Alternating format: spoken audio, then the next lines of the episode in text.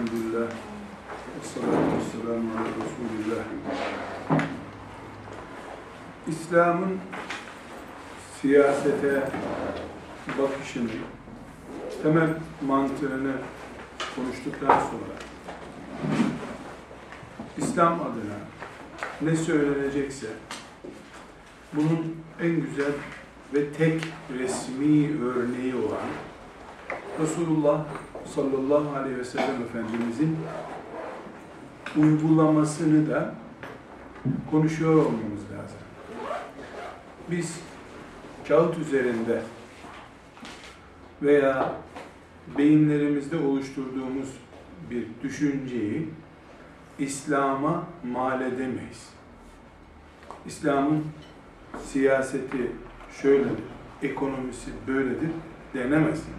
Bu illa Peygamber aleyhisselam efendimize bağlantılı hale getirilmesi lazım. Mümin bu demek zaten. Müslüman bu demek. Şimdi biz siyaset ve İslam ya da müminle siyaset kelimeleri bir araya nasıl geliyor? Bunu mütalaa ettik. Bunun mantığı üzerinde düşündük. Şimdi siyaseti İslam'ın ilk gününden bugünkü işte 2000'li yıllara kadar nasıl getireceğimizi de görmemiz lazım ki 2000 filan yılında biz e, siyaseti nereye oturtacağız? Nasıl bir düşünce üzerinden siyaset yürüteceğiz? Onu e, kestirmiş olalım. Peygamberler Allahu Teala'nın kendisini anlatmak için gönderdiği elçileridir. Geçen dersimizde de peygamberin yeryüzünde varoluşunu, nedenini, insanla peygamberin bağlantısını konuşmuştuk. Arkadaşlar, peygamberler Musa aleyhisselama kadar bir grup, Musa aleyhisselamdan sonra da ikinci bir grupturlar. Musa aleyhisselama kadar gelen peygamberler ki Yusuf aleyhisselam mesela Musa aleyhisselam öncesi bir peygamberdir. Musa aleyhisselamdan önceki döneme aittir. Musa aleyhisselama kadar olan peygamberlerin mücadelesi toplumu Allah'a davet ve iyi örnek oluşturma üzerine kurulu bir mücadeledir. Musa Aleyhisselam'la beraber peygamberler ikinci bir döneme geçmişlerdi. Toplumu yönetme, yönetimle beraber Allah'a davet etme dönemi. Yani Musa Aleyhisselam'la beraber peygamberlerin siyasete birinci elden müdahalesi başlamıştır. Musa Aleyhisselam ilk defa Firavun'un karşısına dikilip bu milleti bana ver, İsrailoğullarını bana ver ben yöneteceğim demiştir. Halbuki Musa Aleyhisselam'dan asırlar önce gelen ki bu sürenin ne kadar olduğunu net bilmiyoruz ama en az bir 300 sene önce gelen Yusuf Aleyhisselam. Aynı mesela Yusuf Aleyhisselam e, Musa Aleyhisselam'ın e, bir tür dedeleri olan bağla geliyor. Yusuf Aleyhisselam da Firavun'un karşısına çıktı. Ben seninle beraber bu devleti yöneteyim dedi. Ver bana demedi. Yani Yusuf Aleyhisselam yürüyen yine Firavun, aynı ikisi de Firavun. Yürüyen bir mekanizmanın içerisinde görev almak istedi. Ben bu işe yetenekli birisiyim dedi. Yusuf Aleyhisselam Kur'an bunu böyle bize veriyor. Yine Kur'an-ı Kerim Yusuf Aleyhisselam'dan asırlar sonra gelen Musa Aleyhisselam'ın bunları bana vereceksin ben yöneteceğim dediğini söylüyor. Çünkü Yusuf Aleyhisselam döneminde peygamberler bir siyasi mekanizma kurma peygamberi değildiler. Mevcut mekanizmaların içerisinde rol almak istediler. Bu rolü de ilk defa Yusuf Aleyhisselam istedi. Daha önceki peygamberler, mesela Yusuf Aleyhisselam'ın büyük dedesi de Firavun'un karşısına çıktı. Kim büyük dedesi? İbrahim Aleyhisselam. O da Firavun'un karşısına çıkmıştı. Ve Firavun'dan böyle bir talepte bulunmadı. Torunu, küçük torunu olan e, Yusuf Aleyhisselam da Firavun'un karşısına çıktı. Ben iyi yönetirim dedi, bir bakanlık talep etti. Bakanlık görevi var bana dedi. Hiçbir zaman bakanlık insanları yönetme görevi değildir. Yöneticinin eli ayağı olmaktır, yardımcı olmaktır. İnni hafizun alim dedi. Ben bu işi hem biliyorum hem de güvenilir bir adamım senin için dedi. Yönetmek için gönderildim demedi. Peygamberlerin bu çok önemli bir nokta. Zira çaylak mühendis, müfessirler geliyorlar. Yusuf Aleyhisselam şöyle yaptı, böyle yaptı. Demek ki e, demokraside, kapitalizmde de şöyle görevli alır diye örnek getiriyorlar. Yani Kur'an-ı Kerim'den böyle cımbızla bir ayet çıkarıp e, anlamaya çalışanlar e, dinleriyle oynuyorlar fark etmeden. Yusuf Aleyhisselam'ın e, oradaki fonksiyonu, zaten peygamberlik olarak fonksiyonu Musa Aleyhisselam'dan sonraki döneme ait bir fonksiyon değil. Bir tür Hoca Efendi statüsünde peygamberler o zamanlar. Makam olarak değil, işlev olarak. Allah Teala onlara yeryüzündeki kitleleri yönetme görevi ve emri vermedi. Neden? Neden? Bu nedene 100 tane sosyolojik, 500 tane psikolojik sebep bulabiliriz. Ama her halükarda bizim için tek cevap allah Teala böyle murad etti. Ama bir de şu var, henüz insanlık bir devlet sisteminin üzerinde yönlendirilecek düzeyde değil. Hala babalar, dedeler, e, amcalar filan bir arada yaşıyorlar. Onlar bir kabile oluyorlar. Yani devlet dediğin birkaç bin kişiden oluşacak bir kitle. E, ordu ayrı bir der, siyasi mekanizma ayrı bir der. Bu sebeple Allah Teala e, henüz yeryüzüne kitap da indirmemiş zaten. İlk kitapta Musa Aleyhisselam'a. Yani ilk kitap Musa Aleyhisselam'la beraber Tevrat ilk defa inen kitap. E, kitap da inmemiş yeryüzünde. Kitap inmemiş. O kitabın yerinde ne var? Sayfalar var. Sayfalar Allah biliyor yani kitap düzeyinde olmadığına göre, dört kitabın dışında bir şey olduğuna göre bülten şeklinde bir bilgiler demek ki. Ayrıntısından haberimiz yok.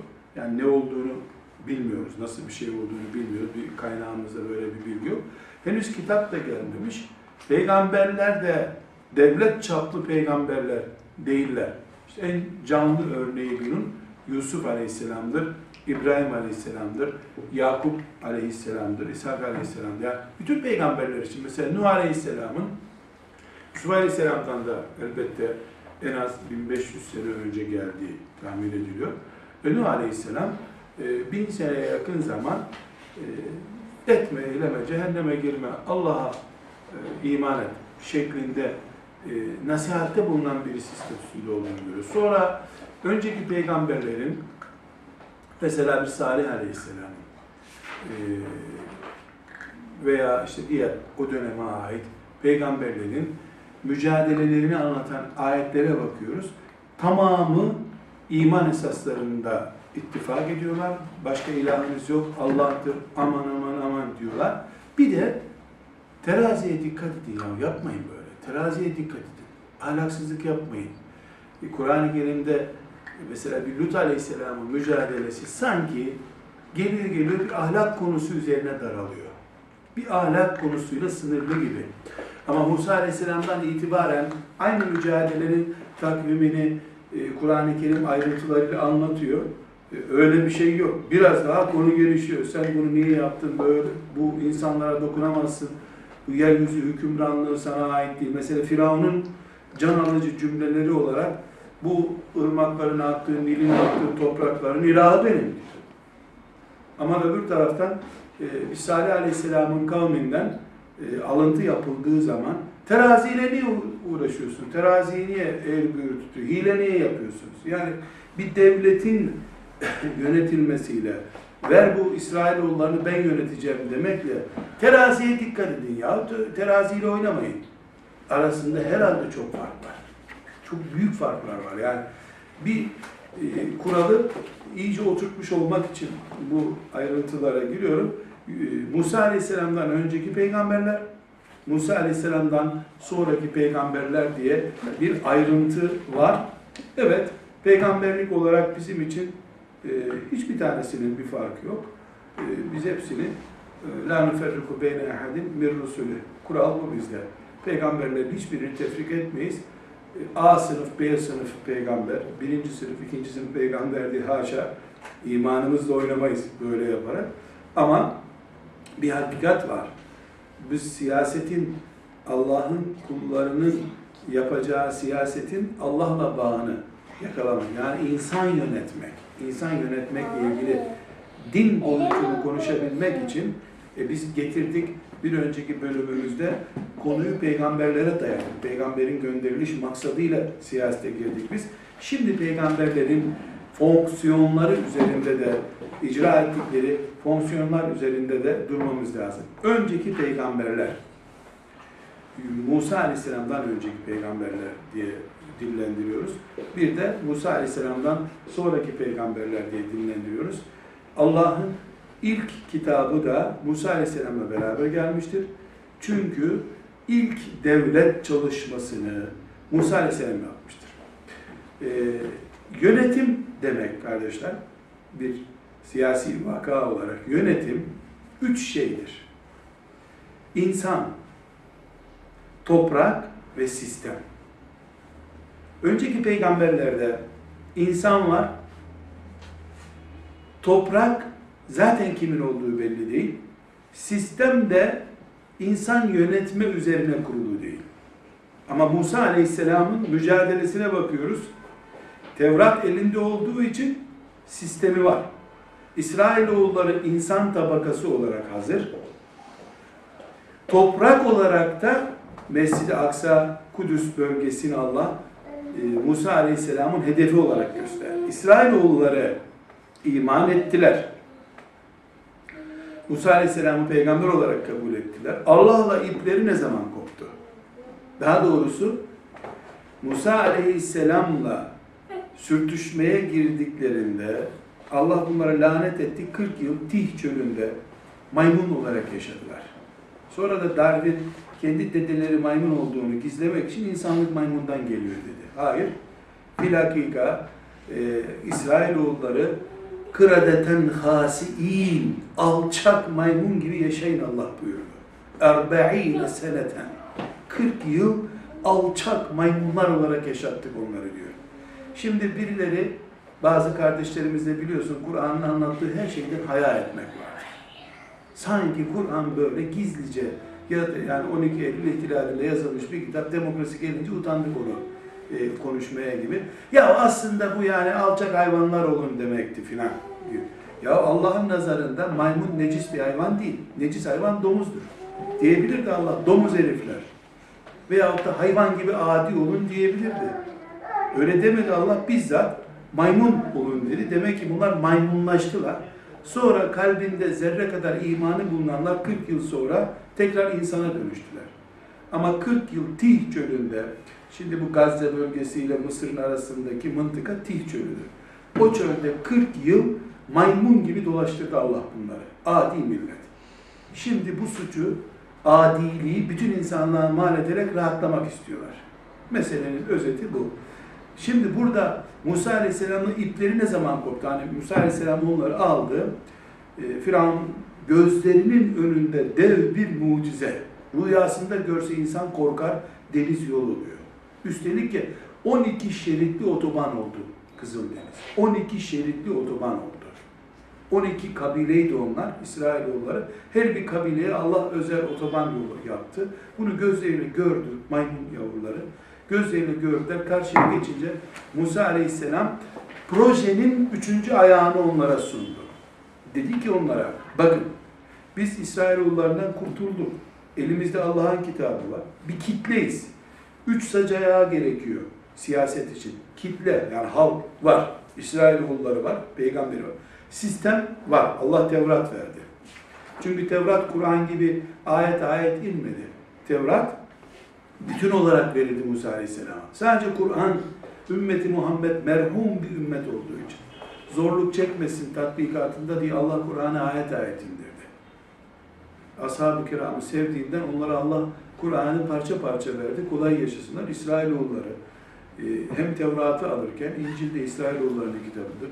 Zebur da İsrailoğullarının kitabıdır. Onlara bütün olarak verdi bu kitapları. Altında ezildiler. Melunlar bir kelime verseydi zaten itiraz edeceklerdi. Şimdi e, İsrailoğullarına Musa Aleyhisselam sistem var. Tevrat sistem. Halk var. Eksik ne? Tapulu toprağımız yok. Toprağı olmayan bir din yönetim talebinde bulunamaz. E, Kudüs bölgesini gösterdi Musa Aleyhisselam. Dedi ki bu Kudüs'te basit bir devletçik var. Gidip onlarla savaşacağız. E, bu savaşta onları yeneceğiz muhakkak. Allah bizimle beraber zaten. E, neticede de biz devletimize de sahip olacağız. Böylece ilk siyaset sistemini kuracak olan Musa Aleyhisselam peygamber ilk hedefine ulaşmış olacak. Adi maymun yavruları e, Musa Aleyhisselam'a e, ne dediler? İzheb ente ve rabbuke fekatila inna hevna ka'idun. Maide suresinden ayet okuyoruz arkadaşlar. Git sen Rabbin beraber o adamlarla savaşın. Biz sizi burada bekleriz. Şimdi Kudüs'te Filistinlilerde kadar bizim de payımız var diyorlar. E, Kur'an diyor ki maymun yavruları siz gitmediniz oraya. Gitseydiniz, savaşsaydınız sizin olacaktı. Musa Aleyhisselam sinirlendi. Çok sinirli bir adamdı zaten. Çok sinirli. Daha önce sinirinden elinden cinayet çıkmıştı. قال رب إني لا أملك إلا نفسي وأخي فافرق بيننا وبين قوم الفاسقين Rabbim ben kardeşim Harun'dan başka sana söz geçiremiyorum. Bu fasık alçaklardan beni uzak tut dedi. Bu bedduası üzerine. Allah 40 yıl onları sürüngen, çekirge sürüsü gibi yaşattık orada. Maymun olarak yaşattık onları buyuruyor. Kur'an-ı Kerim 40 yıl Tih çölünde yaşadılar. Bu 40 yıl içinde Musa Aleyhisselam e, eceli geldi. Eceli geldiğini anlayınca, yani Musa Aleyhisselam da onlarla beraber o sıkıntıya katlandı bu sefer. Belki birinci, belki üçüncü yılında Musa Aleyhisselam'ın eceli geldi. Bu sefer Allah'a dua etti. Rabbim dedi, e, bu hainlerin yüzünden ben Kudüs'ten uzak kaldım. Bari cesedimi oraya götür dedi. Orada öleyim dedi. Allah duasını kabul etti. Efendimiz sallallahu aleyhi ve sellem buyuruyor ki, e, cesedinin Kudüs'te nerede olduğunu görüyorum şu anda diyor. Yani kesin Musa aleyhisselam Tih çölünde ölmedi. Öldüyse de Allah meleklere cesedini e, Şerif'in yakınına taşıdı. Böylece insanoğlunun Allah adına siyaset yapmak için girdiği ilk mücadeleyi Musa aleyhisselam başlattı. Bu sebeple, bu sebeple ki Musa aleyhisselam bunu başaramadı maalesef. Niye başaramadı? Bulamadı ki Halid bin Velid'den 10 tane. Bir Ebu Bekir bulsaydı ilk Allah adına devlet kurulmuş olacaktı yeryüzünde. Bir Ebu Bekir, bir Ali bulamadı. Bir Ömer, bir Osman bulamadı. Anne. E, yüzlerce e, 12 kabileden oluşan hain bir milleti buldu ama onlar da akrabaları olduğu halde nankörlük ettiler. Musa Aleyhisselam'ı çölde yalnız bıraktılar ki o iman ehliydi onlar. O zaman mümindiler. Yani inan. Gerçi bir de buzak bulup buzağa da tapınmışlar bu arada. Yani Yahudi buzak bulur buzağa tapılır, gazete bulur gazeteye tapılır. Yahudi. Şimdi abi kardeş olduk. Onlar da çok sempatik insan oldular. İnsan oldukları için bizim insanlığımızdan utanmamız lazım aslında da. Elhamdülillah bizim soyumuz Adem Aleyhisselam, onların soyu maymuna dayanıyor. Nesep ayrılığımız var aralarında. Şimdi e, Musa Aleyhisselam'ın bu mücadelesi başarılı olamadı. Ebu Bekir bulamadığı için. Bir tane Ebu Bekir çıkmadı yanında. Harun bak ne diyor? Harun'dan başkası sözümü dinlemiyor Rabbim diyor. Bir Harun sözümü dinliyor. Koca milletten üç kişi tamam biz seninle beraberiz dememişler Musa Aleyhisselam'a. Kur'an'dan bunu anlıyoruz. Musa Aleyhisselam'ın böylece yeryüzünde ilk defa Allah'ın adına insanlığı yönetecek sistemi kurma mücadelesi başarısız oldu. Sonra yani biz bu e, Musa Aleyhisselam ayrıntısına fazla dalmayalım. Küçük bir not ilave ederek buraya geçelim. Kur'an-ı Kerim'de Kur'an-ı Kerim'de ki Kur'an-ı Kerim Muhammed Aleyhisselam'a inmiş, kıyamete kadar ona iman edenlerin okuyacağı bir kitaptır. Muhammed Aleyhisselam Efendimizin hakkında direkt veya dolaylı olarak ya da ashab-ı kiramla ilgili ayetlerin hepsini toplayalım. Yüz ayetse bunlar, yani Peygamber Efendimizin e, isminin geçtiği veya sen diye Allah'ın hitap ettiği ayetler 100 tane ise Musa Aleyhisselam ve etrafındakiyle ilgili ayetler 500'dür. Birkaç katı fazladır. Böyle bir rakamsal, e, net rakamlar olarak bunları söylemiyorum. Yani meseleyi anlamamız için söylüyorum. Neden? Çünkü bir dava, bir proje, onun çekirdeğiyle beraber anlaşılır arkadaşlar. Eğer biz bu insanlığı yönetme mücadelesinde Musa Aleyhisselam'ın başlattığı projeyi anlayamazsak, sen seçimleri niye kaybettiğini, seçimden önce birisi ekmeğe zam yapmayacağım diye vaat edince senin bütün projelerinin adil veya zalim düzen olmasına bakılmadan nasıl fiyaskoyla sonuçlanacağını anlayamazsın. Musa Aleyhisselam'ı, İsrailoğullarını anlamayan insanlık davasını anlamaz. Bu yeryüzünü Allah'a teslim etme projesi Adem Aleyhisselam'la başladı. Yeryüzünü Allah adına bir insanın yönetmesi projesi Musa Aleyhisselam'la başladı.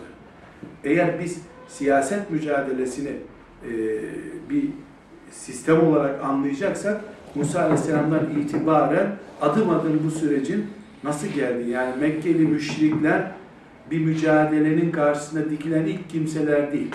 İlk savaş e, Tih çölünde yapıldı. Eğer Allah adına yeryüzünde insanlığı yönetme yani siyaseti İslam'ın bir sistemi olarak anlayacaksak. Musa Aleyhisselam Tih çölünde e, vefat etti. Allah cesedini, mübarek cesedini e, Mescid-i Aksa'nın bulunduğu bölgeye taşıttı meleklere. Bazı rivayetlerde toprak yaklaştı. Musa Aleyhisselam'ın cesedi orada kaldı şeklinde. Yani önemli değil Allah için zor bir şey değil. Kaşla göz arasında Allah Teala 40 defa Musa Aleyhisselam'ın cesedini de sülalesinde getirir götürür. O bizi çok fazla e, ilgilendirmiyor. Musa Aleyhisselam'dan sonra Musa Aleyhisselam'ın e, hamlesini yine Allah İsrailoğullarından istedi ve ilk defa Davut Aleyhisselam e, yeryüzünde Allah'ın adına siyaset yapan ilk peygamber oldu.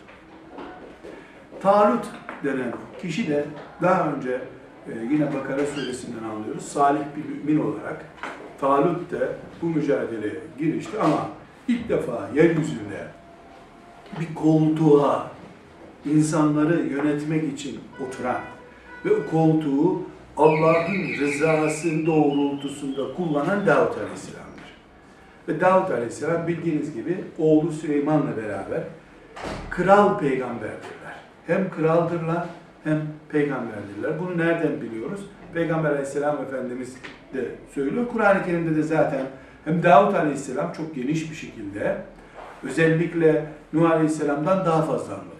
Daha ayrıntılı bir şekilde anlatılıyor. Süleyman Aleyhisselam'a ait geniş anlatımlar var.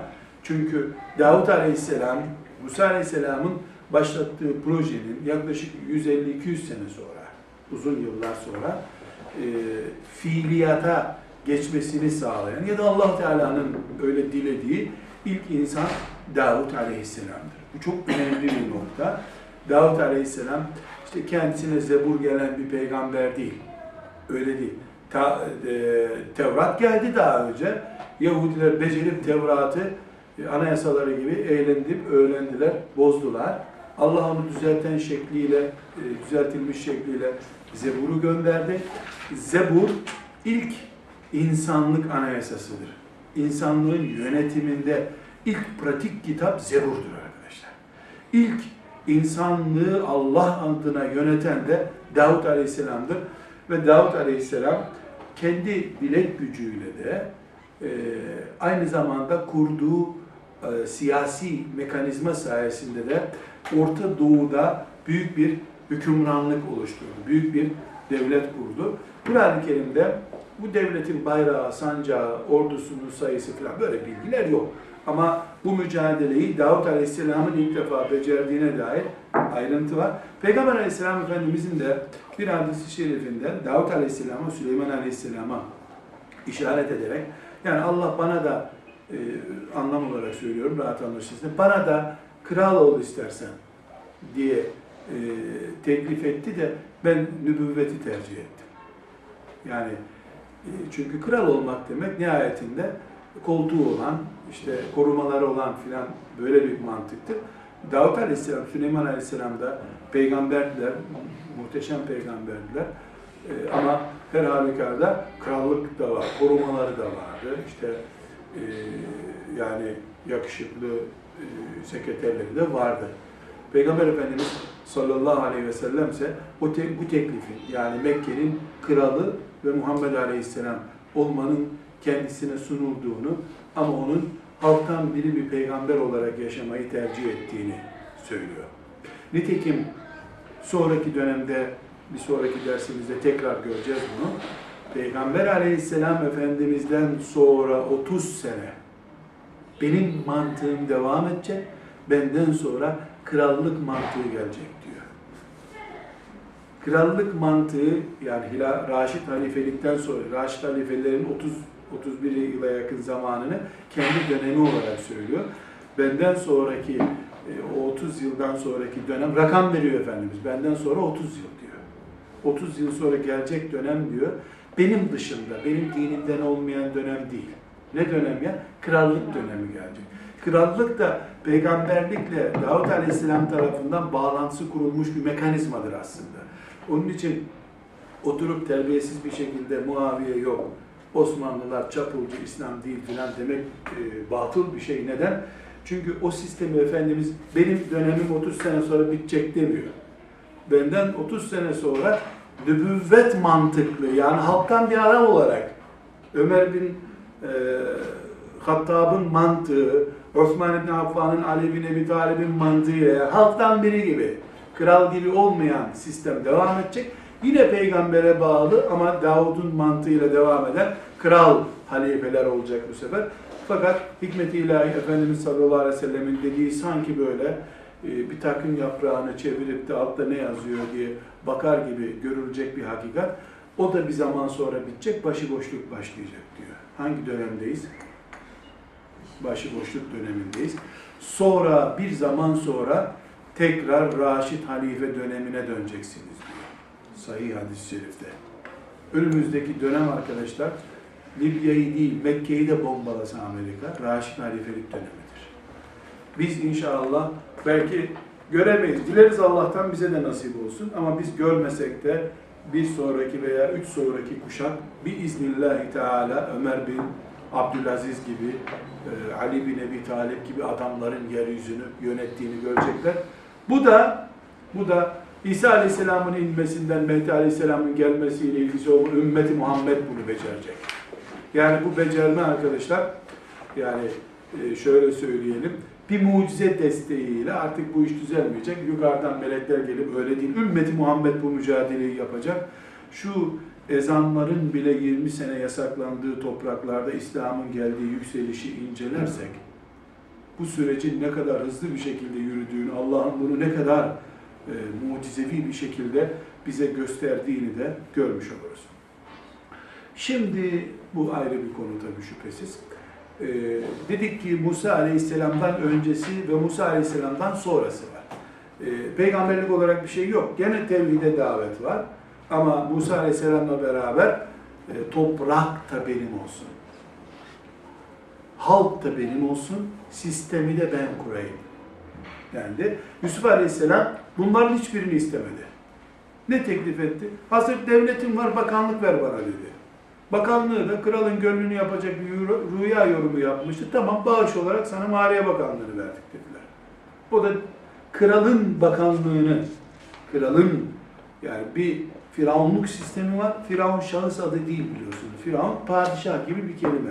Firavun'un sistemini yürüttü ama bir peygamber olarak Allah'ın da teyidiyle, mucizelerle ne yaptı? O sistemi Hakk'a, Allah'ın rızasına uygun hale yaklaştırdı. İsrailoğulları da böylece onun 11 kardeşi de Mısır'a dönünce İsrailoğulları yerleşmiş oldular Mısır'a. E, Firavun daha sonra aradan asırlar geçince yaklaşık 400 yıla yakın bir rakam zannediyorum. Asır Musa Aleyhisselam'ın gelmesi döneminde. Firavun becerdi. Yusuf Aleyhisselam'dan sonra zaman gevşeyince, Yusuf Aleyhisselam gibi bir peygamberin desteği gidince İsrailoğullarından tuttu. Firavunlar bunları köleleştirdiler. Kıptiler efendi, onlar ikinci sınıf insan haline geldiler. E, büyük bir zulüm furyası oluşturdular. O zulmün önüne Musa Aleyhisselam set çekmek için geldi. Onun geniş e, ayrıntılarını da biliyoruz. Davut Aleyhisselam asırlar sonra Orta Doğu bölgesinde e, ilk e, peygamberin yönetici olduğu sistemi kurdu ve bunu kraliyet olarak. Oğlu Süleyman Aleyhisselam, Davut Aleyhisselam'ın kurduğu bu siyasi sistemi devraldı, güçlendirerek devam ettirdi. e, bu arada ilk e, Allah'ın yeryüzünde Allah adına insanlığı yönetme mücadelesinde üst olarak, merkez olarak da Kudüs'ü belirledi Allah. İlk Mescid-i Aksa'nın yapısı vesairesi ta Süleyman Aleyhisselam zamanında Süleyman Aleyhisselam'ın e, emriyle yapılan bir bina olarak karşımıza çıkıyor. E, dolayısıyla Kudüs, Mescid-i Aksa, Arapların, Filistinlilerin vesairenin e, çok önemsediği, işte Peygamberimizin miraca çıktığı bir yer olmaktan önce Allah'ın yeryüzündeki bu büyük projesinin ilk üssüdür. Miraç, Peygamber Efendimizin orada binlerce peygamberin ruhuna iki rekat namaz kıldırıp bayrağı teslim alması ise bu merkez üssün kıyamete kadar Muhammed Aleyhisselam'ın peygamberliği devam ettiği sürece ki o kıyamettir. Kıyamete kadar Allah'ın yeryüzünü insanları ve toprağı Allah adına yönetecek sistemin merkezi olarak belirlemiştir. Bunun için Peygamber Efendimiz sallallahu aleyhi ve sellem Mehdi aleyhisselam veya da Raşid halifelik Kudüs'te kurulacaktır diyor. Halbuki kendisi Medine'de yaşıyor ve buyuruyor ki başka hadislerinde her yer fıskı fucur içinde dolacak, Medine kalacak sadece. Her yer layıkleşebilecek, Medine layıkleşmeyecek Allah'ın izniyle. Medine kalacak. Yılanın kaçınca yuvasına kaçtığı gibi iman Medine'ye kaçacak diyor. Demek ki her yer bozgunluk, e, işte laiklik, Amerikancılık neyse artık kapitalizm, alışveriş merkezleri, AVM'ler neyle bozuluyorsa yeryüzü bozulacak, Medine bozulmayacak böyle. Bak Mekke için de yok bu garanti. Kabe orada olduğu halde. Ama aynı Peygamber aleyhisselam Efendimiz Raşid halifelik yani peygamberlik mantığıyla insanları idare eden siyasi anlayış Kudüs'e dönecek diyor. Ve kıyamete kadar cihat her yerden kalkacak. Utanılır şey haline gelecek Müslümanların verdiği zekatlar sayesinde. Müslümanlardan insanlar zekat topluyorlar. Değil mi? Kurban hissesi, elbise, deri, gömlek ne varsa topluyor senden. İslam'da cihat yoktur diyebilmek için Müslümanlar da tıpış tıpış veriyorlar.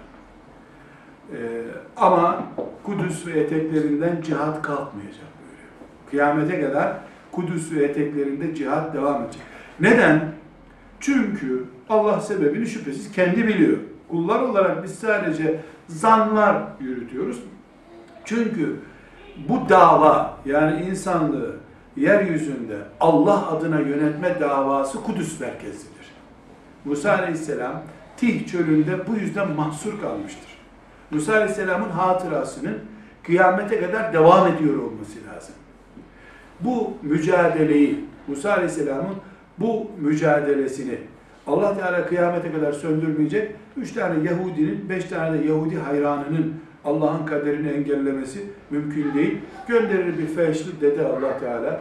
Ee, gençliği bile felçlikle geçmiş bir, o bile ümmetin ruhunu canlandırır biiznillah. Kudüs yeniden Musa Aleyhisselam'ın davasının ki aynı dava Muhammed Aleyhisselam'ın da davasıdır. Muhammed Aleyhisselam'ın davası Kudüs'ten devam eder. Zaten küfrün rezil rusvay olmasının en önemli e, gurur verici yönlerinden biri Mekke'de başlayıp Medine'de devam edip şirkin belini Kudüs'te bükmektir.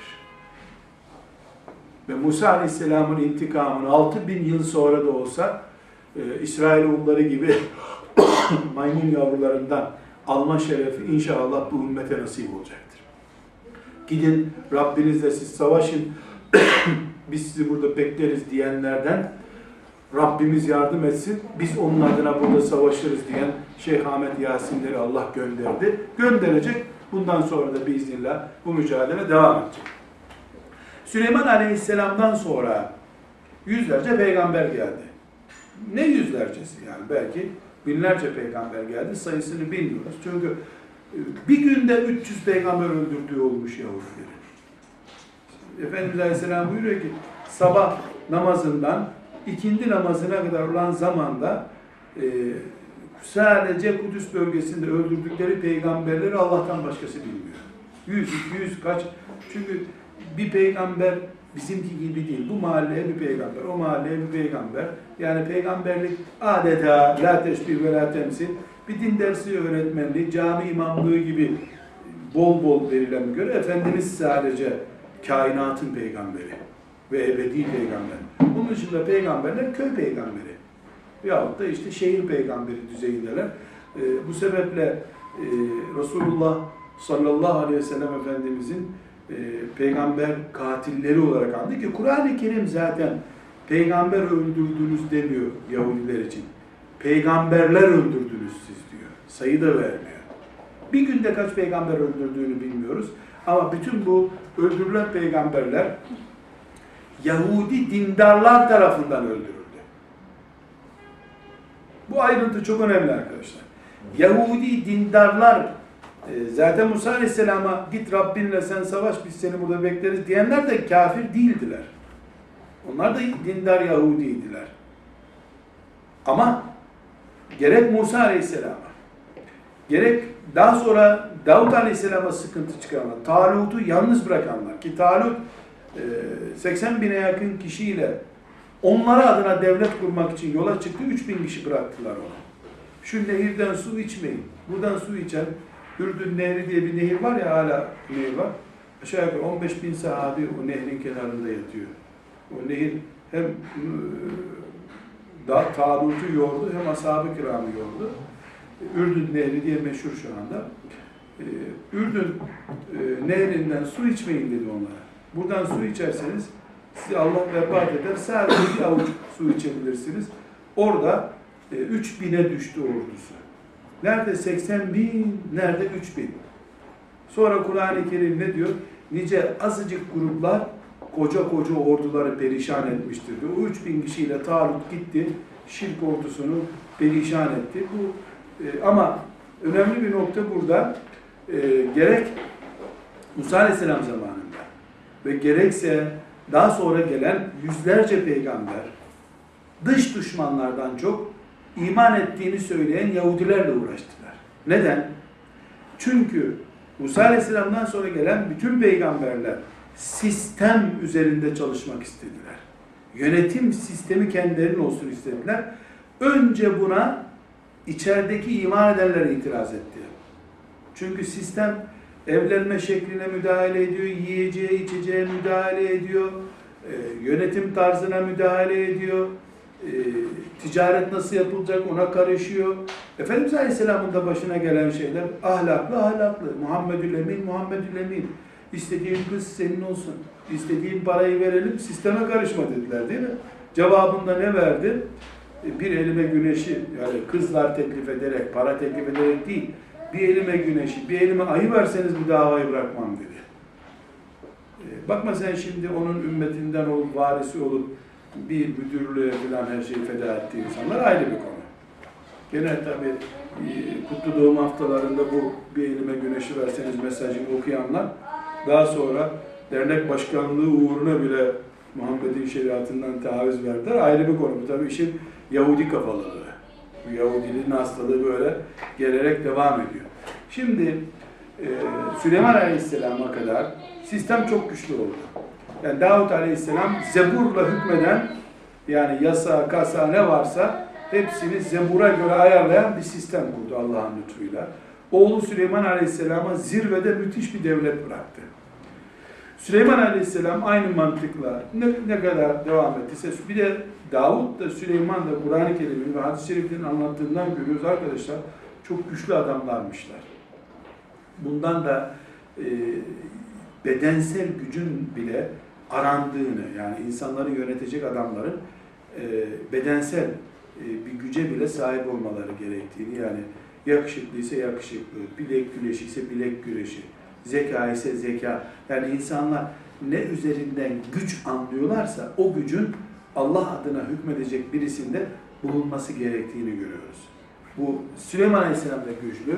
Ve hatta Efendimiz Aleyhisselam cinsel gücünün bile çok yüksek olduğunu söylüyor.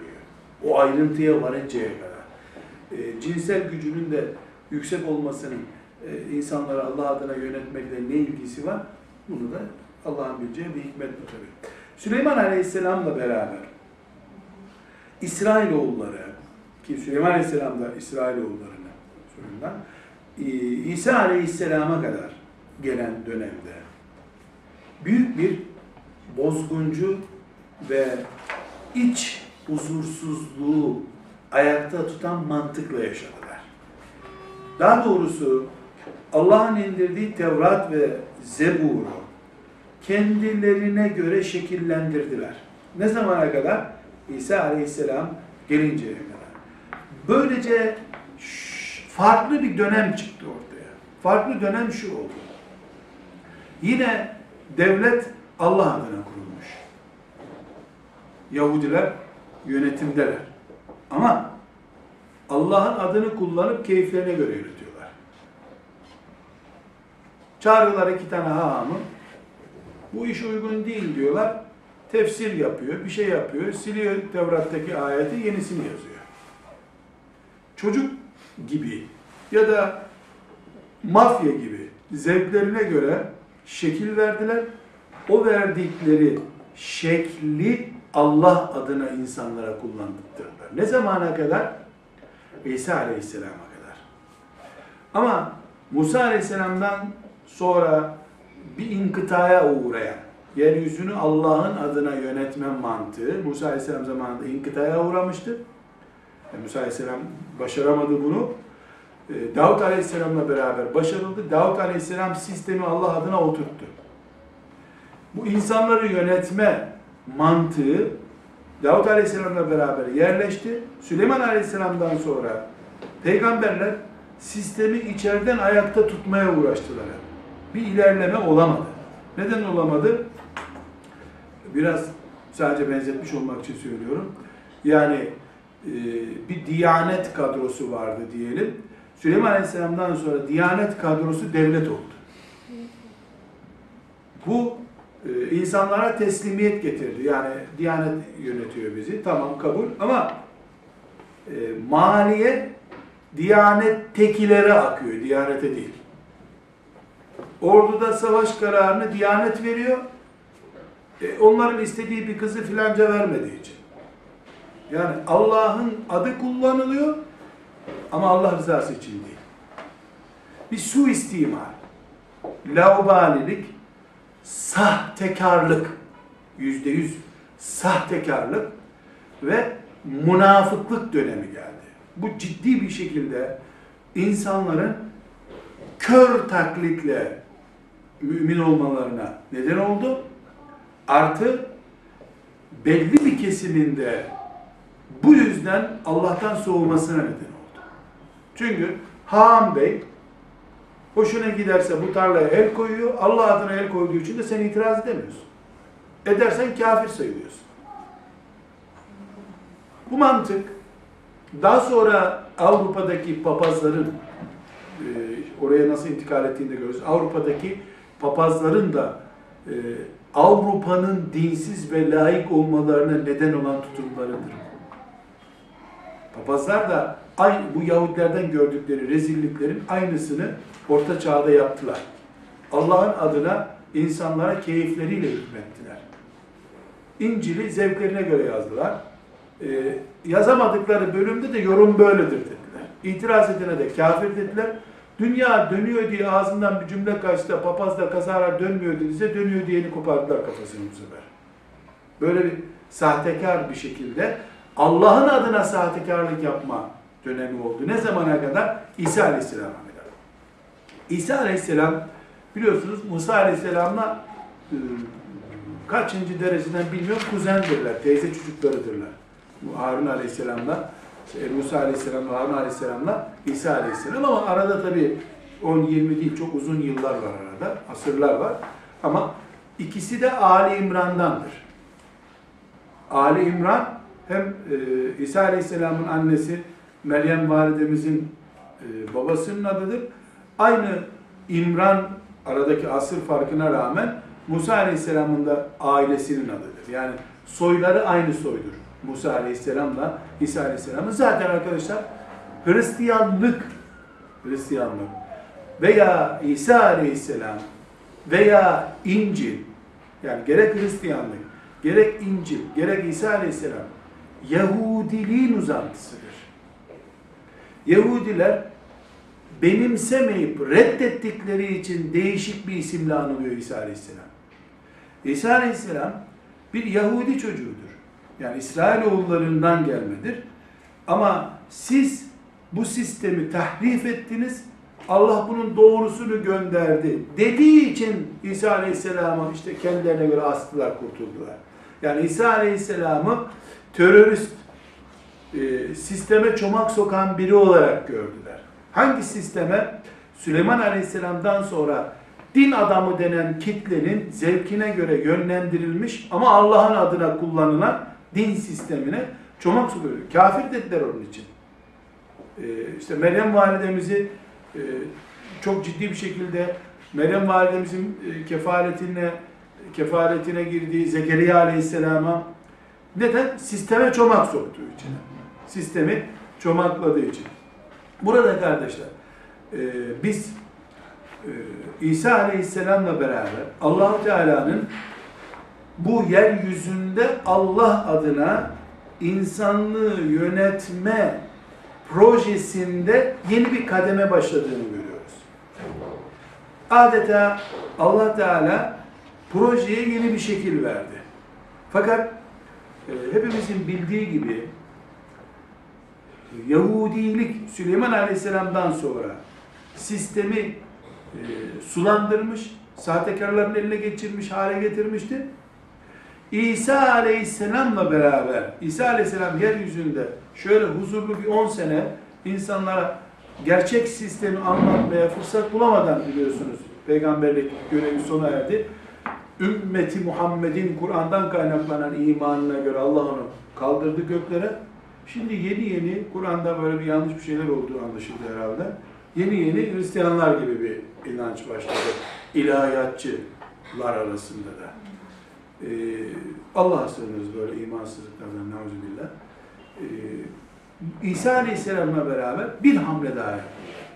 Bu hamle sonuç olarak Yahudilere taş çıkartan ikinci bir sapık kadro çıkardı ortaya. Tekrar başa dönelim.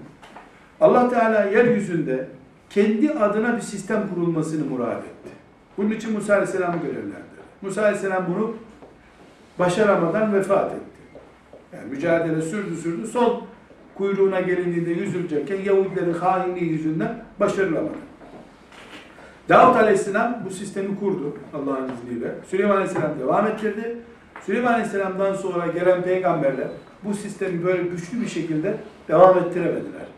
Ya da Allah Teala böyle murad etti tabii. Projenin niye böyle olduğunu tahlil etmiyoruz. Biz sadece kavramaya çalışıyoruz. İsa Aleyhisselam'ın doğum tarihine gelindiğinde sırf insanların kıyamet günü biz ne bilelim böyleydi bu iş demelerine özür kalmasın diye Allah ebediyen bir daha gerçekleşemeyecek olan ve ilk defa gerçekleşen büyük bir mucizeyle İsa Aleyhisselam'ı gönderdi. İsa Aleyhisselam'ın babasız yaratılmasındaki hikmet Allah'ın gücünü göstermek değildir. Allah'ın gücü bir çiçekten görülüyor zaten. Aslında mümin bilir ki Allah babasız, anasız da topraktan da çıkarır insan. Kangurunun cebinden de bir insan çıkarsa Allah zor mu onun için? Her ölüyü 10 sene sonra Allah daha değişik bir canlı olarak yaratsa zor mu Allah için? Daha masrafsız belki de. Daha ucuzu da var olabilir. Ama niye Musa İsa Aleyhisselam böyle yaratıldı? Müthiş bir din kaosu var. Müthiş bir suistimal var. Kim? Mesela Zekeriya Aleyhisselam, İsa Aleyhisselam'dan önceki peygamber, Yahya Aleyhisselam ondan önceki peygamber. Ne İsa, Zekeriya Aleyhisselam, ne Yahya Aleyhisselam hiçbir ses getiremedi. Hahamlar hem Zekeriya Aleyhisselam hem Yahya Aleyhisselam'ı e, deyim yerindeyse eritti götürdüler. Çünkü e, din yani hahamlar, İsrailoğulları Allah adına e, zulüm düzeni kurmuşlar. E, Zekeriya Aleyhisselam'ı kafir diye itham ettiler. Bu kafiri aranıza sokmayın dediler. İnsanlar da ne billah bu kafirle, mürtetle bir arada nasıl duruyoruz diye o mahallede durmak istemediler. Çark Allah adına yürütülüyor, şeytanın menfaatine yürüyor ama. Bunun için İsa Aleyhisselam bütün akılların duracağı bir mantıkla gözler önünde babasız yaratıldı. Hiç kimse çıkıp da Meryem validemiz için zina ithamında bulunamadı. Bir de İsa Aleyhisselam kundaktayken konuştu. İnsanoğlunun zerre kadar İsa Aleyhisselam'ın yaratılışında bir farklılık olduğunu, dolayısıyla o bir gün peygamberimdi, 33 yaşında peygamberim dedi. 33 yaşına kadar onda bir ahlaksızlık görmediler. Anasının bir mucize olarak onun doğduğunu gördüler. Dolayısıyla İsa Aleyhisselam beni Allah size gönderdi. iki günlükken de demişti. 33 yaşında da dedi. İnsanlar gözleriyle gördüler. Dolayısıyla o büyük kaos, dinin çatısı altında yürütülen o kaos, ancak böyle bir mucize ile gelen bir peygambere itiraz ettiği zaman insanlar, kıyamet günü hiçbir özür beyan edemezler. Ama Zekeriya Aleyhisselam'ın, Yahya Aleyhisselam'ın aynı günlerde yani üç peygamber Zekeriya, Yahya, İsa Aleyhisselam bu üç peygamber bir yüzyıl içinde gelmiş peygamberler. Yani bir nesil, bir kuşak tanıyor bunları.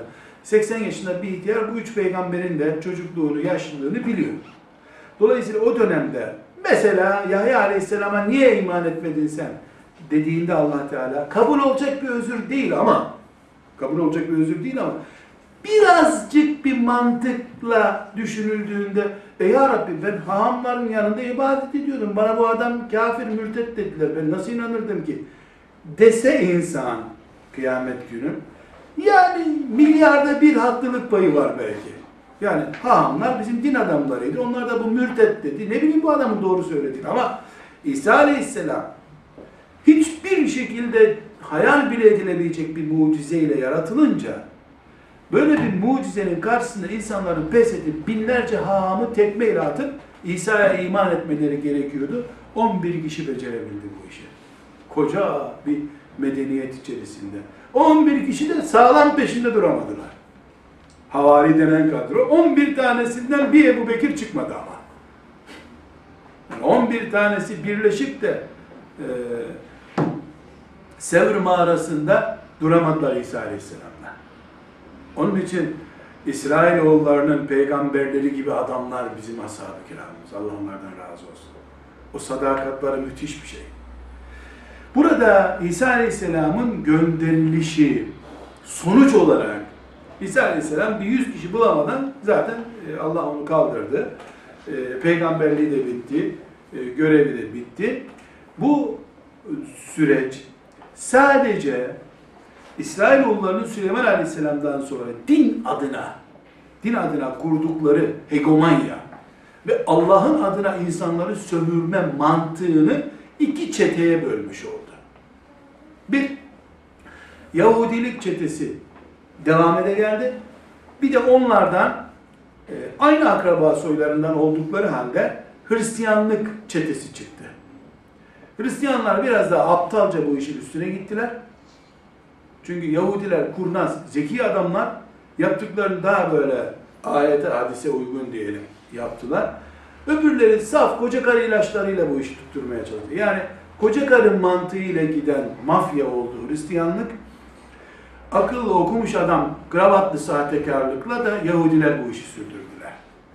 Ama İsa Aleyhisselam'ın gelmesi aslında kıyamet günü insanoğlunun çıt çıkaramayacağı büyük bir gerekçe olarak geldiği halde ki öyle olacak Allah. Niye? Kur'an-ı Kerim'de İsa Aleyhisselam'la ilgili ayetlerde ne buyuruyor allah Teala? Bir soracağız biz diyoruz. Yani özet olarak söylüyorum. Sen bir insanlara benim anam ilahtır dedin. Bana tapının sen mi dedin diye soracağız diyor. Yani ne için gönderildi İsa Aleyhisselam? Yahudiler ne hale getirdiler İsa Aleyhisselam'ı? Hristiyanlar aptal aptal nasıl peşlerine gider? Sonra Hristiyanlığın e, bir ikiye bölünme yani Yahudiliğin e, kravatlı bölümü Yahudiliği temsil etti. Köylü koca karı kafasıyla gidenler Hristiyan kaldı. Gayril mağdubi aleyhim ve dallin budur. Lanetli millet kravatlıları anlatıyor. Ee, öbür aptallar, sapıklar da Hristiyanlar. Hepten köy kafasıyla bu işin üstüne gittiler. Sonra Roma İmparatorluğu'nun asırlar sonra e, Hristiyanlığı din olarak benimsemesi ve Avrupa'nın Hristiyan olmasıyla beraber Hristiyanlık kitlesel hale geldi. Kitlesel bir güç oldu. Yahudiliğin karşısına çıktı. Hristiyanlık e, Roma İmparatorluğu'nun e, dini haline gelmesiyle beraber ikinci bir din gibi oldu. Aslında ikinci bir din değil. Yahudiliğin bir mezhebi gibiydi zamanında. İkinci bir din gibi oldu. Çünkü İncil Tevrat'ın düzeltilmiş şekli. İsa Aleyhisselam İsrail oğullarına gelmiş bir peygamber.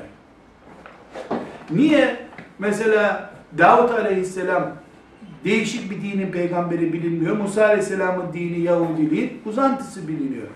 E, İsrail oğullarından kopup bir mezhep gibi, mezhep tarzında yürüyen İsa Aleyhisselam'ın peşinden giden İsevilik diyelim. Avrupa'nın e, kıta olarak benimsemesiyle beraber yeni bir dinmiş gibi şekil aldı. Zaman büyüttü büyüttü. Hele onlar da dört mezhebe bölündü. Protestanlığı bilmem nesiyle beraber hiç Hristiyanlıkla Yahudiliğin ilgisi yokmuş haline geldi. Aslında aynı babanın çocukları oldukları için Filistin'de tek ceset oluyorlar. Hedef İslam haline gelen her yerde beraberdirler. Ama komşu çocuklarıyla kavga etmeyeceklerseler aralarında ciddi kavga var. Neden? Baba senindi, benimdi, tarlayı sana bıraktı, bana bıraktı mücadelesi var aralarında. Ama komşu çocukları birleşip onların kiraz bahçesine gelecek olsa hedef belli o zaman. Bunun için Filistin'de tek yumrukturlar. Halbuki İngilizler, İngilizler gemilere doldurup okyanusa attılar Yahudileri. Hollanda'da her Yahudi cesedine altın verildi. Kaç Yahudi öldürürsen o kadar muteber adamdın. Sonra hilafet zayıflayıp da yeryüzünde e, Müslümanların cesedi üzerinden, hilafetin üzerinden bir sistem kurulma mücadelesi başlayınca Yahudilik ve Hristiyanlık Birleşmiş Milletler'de birleştirilmiş hale geldi. Aslında bunlar birbirlerinin baba malında, mirasında gözü olan iki kavgalı kardeştirler. Ama kardeştirler. Biz tekrar projemize dönelim. Projemiz neydi? Biz Musa Aleyhisselam'la beraber yeryüzünü Allah'ın adına idare etme projesi. Bu projede Musa Aleyhisselam bir noktaya getirdi. Davut Aleyhisselam, e, Süleyman Aleyhisselam bir noktaya getirdi. Ondan sonra bir e, laçkalaşma, Allah'ın adını kullanıp e, zevke göre yönetme, hahamların sahtekarlık dönemi geldi. Düzeltmek için insanlığın en büyük operasyonunu yaptı Allah. İsa Aleyhisselam'ı gönderdi. Bu Allah adına yönetmeyi biraz daha zor hale getirdi. Çünkü Yahudiler bir kafadan konuştular. Ee, Hristiyanlar başka bir kafadan konuştular. Ve sonunda insanlık İsa Aleyhisselam'dan 600 sene yakın bir zaman sonra Allah'ın üçüncü projesi ya da projeye üçüncü müdahalesi olan Resulullah sallallahu aleyhi ve sellemle karşılaştılar. Şimdi geldiğimiz nokta Resulullah sallallahu aleyhi ve sellem Efendimiz yeryüzünde Allah'ın adına insanlığı yönetme yani siyaseti nasıl oluşturduğu noktasına geldik. Bir dahaki derste inşallah. Elhamdülillahi Rabbil Alemin.